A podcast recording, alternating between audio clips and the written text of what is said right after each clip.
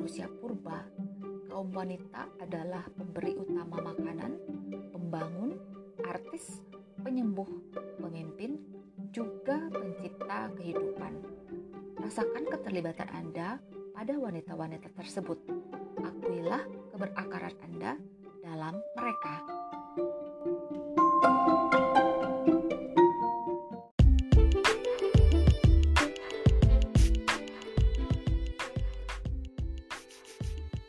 Bantulah dan kuatkanlah kaum wanita, termasuk diri Anda sendiri, yang ingin mencoba kemampuan mereka dalam peran-peran yang bukan tradisi. Bertepuk tanganlah bagi kaum wanita yang memancarkan lorong-lorong baru.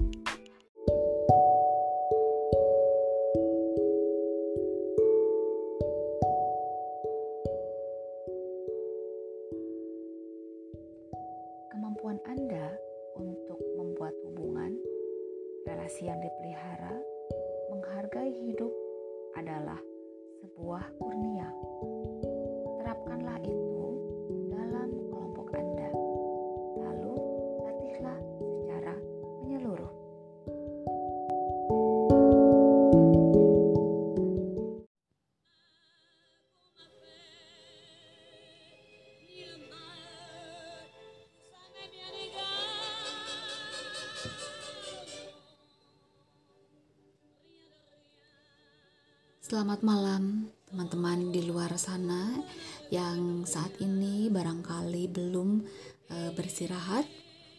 Nah, sebelum Anda uh, beristirahat, mungkin uh, bisa menikmati atau menyimak uh, celotehan ringan dari uh, saya, Ani. Um, ini adalah celotehan ringan yang ingin saya bagikan. Celotehan ini saya bagikan um, lebih kepada ingin menutup hari ini dengan hal-hal yang ya katakanlah mungkin bermanfaat.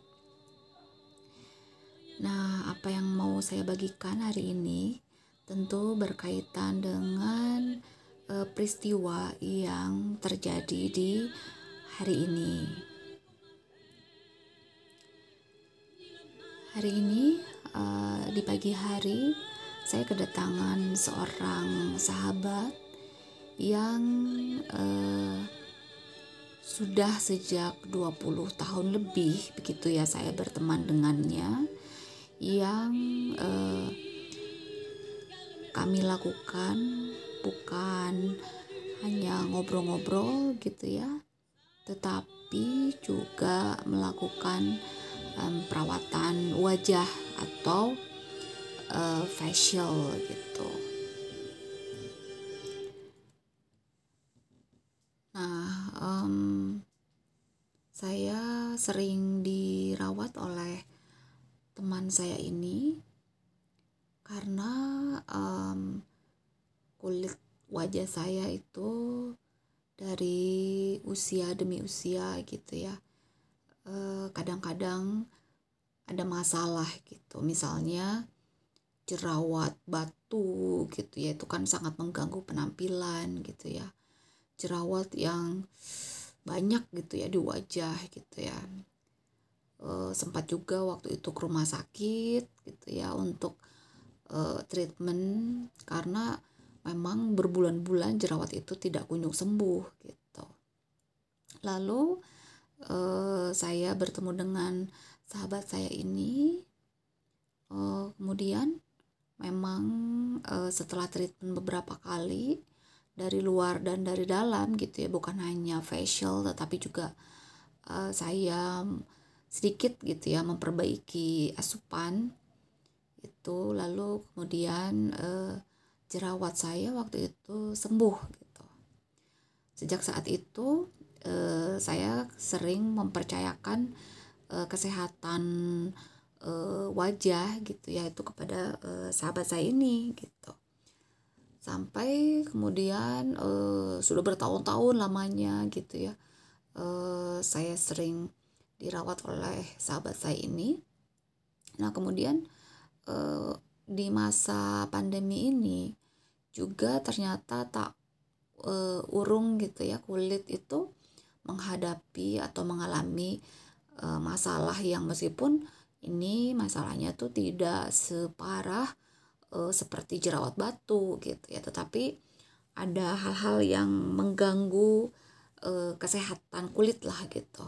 Nah um, saat saya dirawat oleh sahabat saya ini uh, saya katakan gitu ya kepada sahabat saya bahwa uh, merawat uh, tubuh, merawat kesehatan gitu ya, uh, secara fisik ini uh, bagi saya itu ternyata menjadi semacam uh, apa ya uh, jendela gitu, jendela mental gitu ya, jendela uh, psikis di mana dalam keseharian itu kan ada saja hal-hal yang membuat uh, kita itu stres gitu ya. Entah itu interaksi sosial ataupun juga masalah-masalah pekerjaan gitu ya. Banyak deh gitu ya yang uh, ternyata dapat menjadi pencetus uh, stres gitu.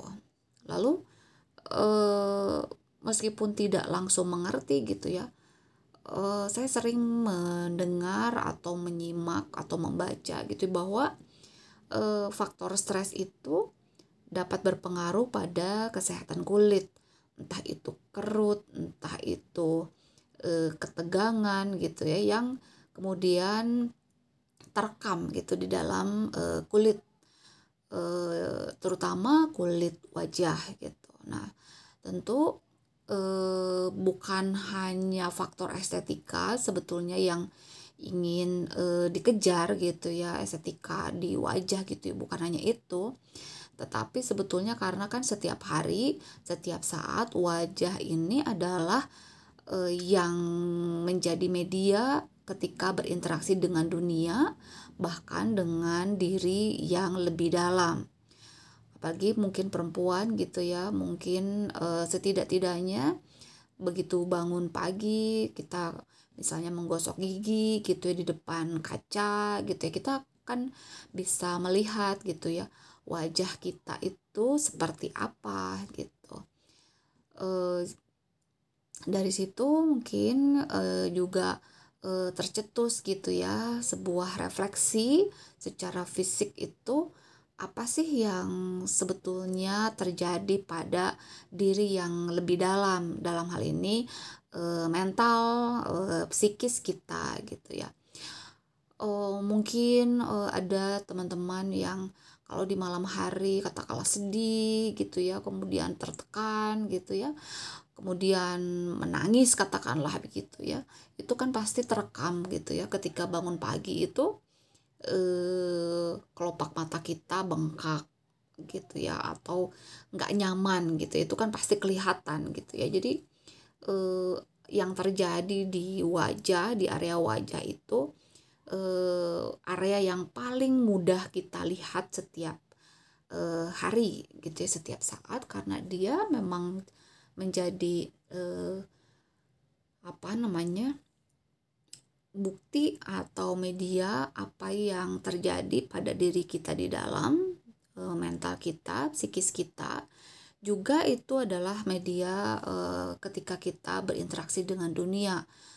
E, kita bercerita atau apa namanya berinteraksi dengan orang, baik daring maupun luring, wajah kita ini gitu kan yang kita pakai, kita tampilkan. Nah, e, berkaitan dengan perawatan wajah itu kemudian saya memikirkan gitu ya, ternyata kalau bagi saya e, ini adalah hal yang e, positif gitu ya bagi kesehatan mental gitu ya. Karena apa? Karena di situ juga sebetulnya lahir pengetahuan-pengetahuan baru gitu ya tentang ya berkaitan dengan perawatan-perawatan kulit gitu ya uh, perawatan kulit itu kan uh, tidak bisa instan gitu ya. Tidak bisa menggunakan uh, obat-obatan yang sekali jadi gitu ya. Tetapi uh, yang lebih sehat itu kan uh, bagaimana kita itu merawat kulit itu seiring dengan uh, pemikiran gitu kan. Seiring pemikiran itu dalam artian uh, memprosesnya itu harus sabar gitu harus sabar bagaimana uh, kita menyehatkan diri baik di dalam maupun di luar gitu ya baik psikis mental ataupun uh, tubuh atau uh, kulit yang dalam hal ini uh, khususnya wajah gitu. Nah, bagi saya ini adalah salah satu jendela gitu ya, uh, menyehatkan um, mental gitu ya. Karena di situ sebetulnya terjadi interaksi secara langsung antara saya dengan diri saya yang lebih dalam. Meskipun uh, mungkin yang mengerjakannya tuh orang lain gitu.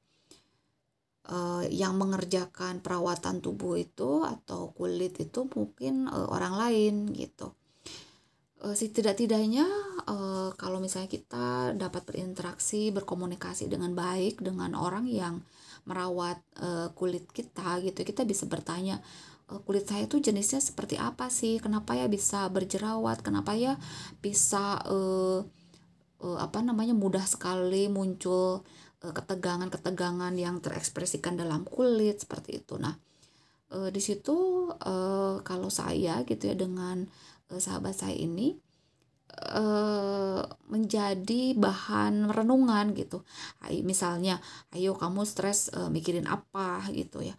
E, kamu kalau stres ngapain gitu kan? Kalau stres itu apakah makan yang dijadikan pelarian? atau kalau muslim gitu ya apakah istighfar gitu ya atau hal e, hal-hal lainnya gitu nah itu kan e, jadi tergali gitu ya oh iya ya e, stres itu memang e, mulai dari yang tingkat ringan sampai yang tingkat berat gitu ya itu kan e, sangat mudah terjadi gitu. Nah sehingga e, di sini e, terjadi gitu ya e, dialog yang kalau bagi saya ini mengingatkan pada uh, sebuah apa ya ungkapan gitu ya yang uh, pernah saya baca dalam buku yang judulnya adalah terapi rayakan kewanitaan Anda yang ditulis oleh Karen Katafiaz. Ini adalah buku yang menarik gitu ya karena di situ terdapat ungkapan-ungkapan, kalimat-kalimat gitu ya, ajakan-ajakan untuk e, merayakan kebaikan-kebaikan yang ada di dalam diri perempuan atau dalam diri e, wanita gitu. Nah, ini saya bacakan satu ya sebagai penutup. Katanya begini. Beradalah di sekitar proses melahirkan dalam segala aspek hidup Anda. Lahirkanlah dengan kesadaran dalam keluarga Anda, kenalan Anda, pekerjaan Anda, dan seni Anda. Nah, kalau di buku ini uh, ilustrasinya itu adalah uh, aktivitas seni. Aktivitas seni itu uh, tidak hanya dilakukan oleh seniman kan gitu ya, tetapi juga misalnya bisa dilakukan oleh kita misalnya dengan menyulam, memasak, banyak deh gitu. Uh, atau kita juga bisa menulis gitu ya. Nah, kalau bagi saya salah satu e, melahirkan e, sesuatu gitu ya yang positif di dalam e, diri yaitu e, salah satunya adalah e, dengan perawatan e, kulit tadi gitu. Perawatan yang bukan untuk mengejar target estetika saja gitu ya, tetapi sebetulnya untuk e, apa ya?